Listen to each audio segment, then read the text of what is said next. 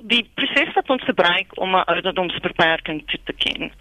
So jou elemente byvoorbeeld taalgebruik, geweld, dwelm, seksuele aktiwiteite ensovoorts, dan kyk ons ook na byvoorbeeld die tema en die sosiale oorweging en dan op die einde die kumulatiewe impak wat die film het. Daai word alles gedoen teen ons klassifikasie riglyne en hierdie kombinasie van al hierdie faktore is dan wat ons lei in terme van ons ouderdomsbeperking wat ons toeken. Maar as ons nou byvoorbeeld eers kyk na kragwoorde. Vir sekere mense is 'n woord 'n vloekwoord en vir 'n ander persoon is dit 'n woord wat hy elke liewe dag gebruik en glad nie as 'n kragwoord beskou nie. So hoe bepaal julle byvoorbeeld wat is 'n kragwoord? Ek sê so ek dink ons almal weet wat se kragwoorde vloekwoorde is, maar dit is die manier in hoe dit gebruik word, konteks. So ek het dan byvoorbeeld 'n toonstamp in kragwoord gebruik. Jou konteks is heeltemal anders dan as wanneer jy daai selfde kragwoord gebruik om iemand te verneder of te verklein. Dan gaan jou vlak van impak sterker wees as wanneer jy dit nou net sê oor dat jy jou toon gestamp het. Dan vat ons daai impak weer terug na ons riglyne toe en ons kyk na die impak vlak. As dit laag is, dan gaan jy meer in jou familiegroepe sit. Maar soos wat hy nou sterker word, so as jy nou hierdie spesifieke kragwoord gebruik om iemand te verneder, gaan hy miskien dan op 'n matige of 'n sterk vlak sit en dan in terme van die riglyne, as hy nou op 'n sterk vlak sit, dan gaan daai spesifieke element die 16 ouderdomsbeperking toegeken word.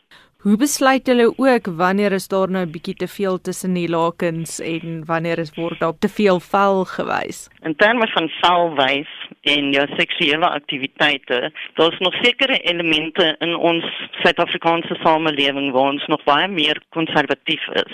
So daai impak vlakke sal byvoorbeeld nou laer wees, maar hy sal 'n hoër ouderdomsgroep toegeken word. Baie interessante voorbeeld seksuele geweld word glad nie toegelaat in enige inhoud onder die ouderdom van 13 nie. En dis as gevolg van die mandaat wat die raad het om kinders te beskerm. En dan kyk ons na alle ontwikkelingsfases in terme van hulle kognitiewe, emosionele en morele ontwikkeling en wat se impak of nadeel dit gaan hê op 'n kind onder 'n sekere ouderdomsgroep.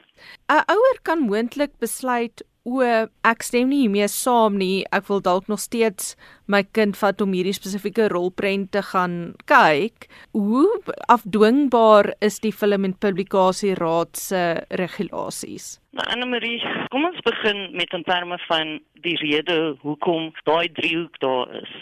Dit is om jou kind te beskerm. Ek sê baie keer die klassifiseerders sit nie net en kyk na 'n film en klap uh, age rating daarop nie. Dis 'n baie tegniese, amper wetenskaplike proses wat ons volg om kinders te beskerm en ook om die publiek bewus te maak van wat in die inhoud is.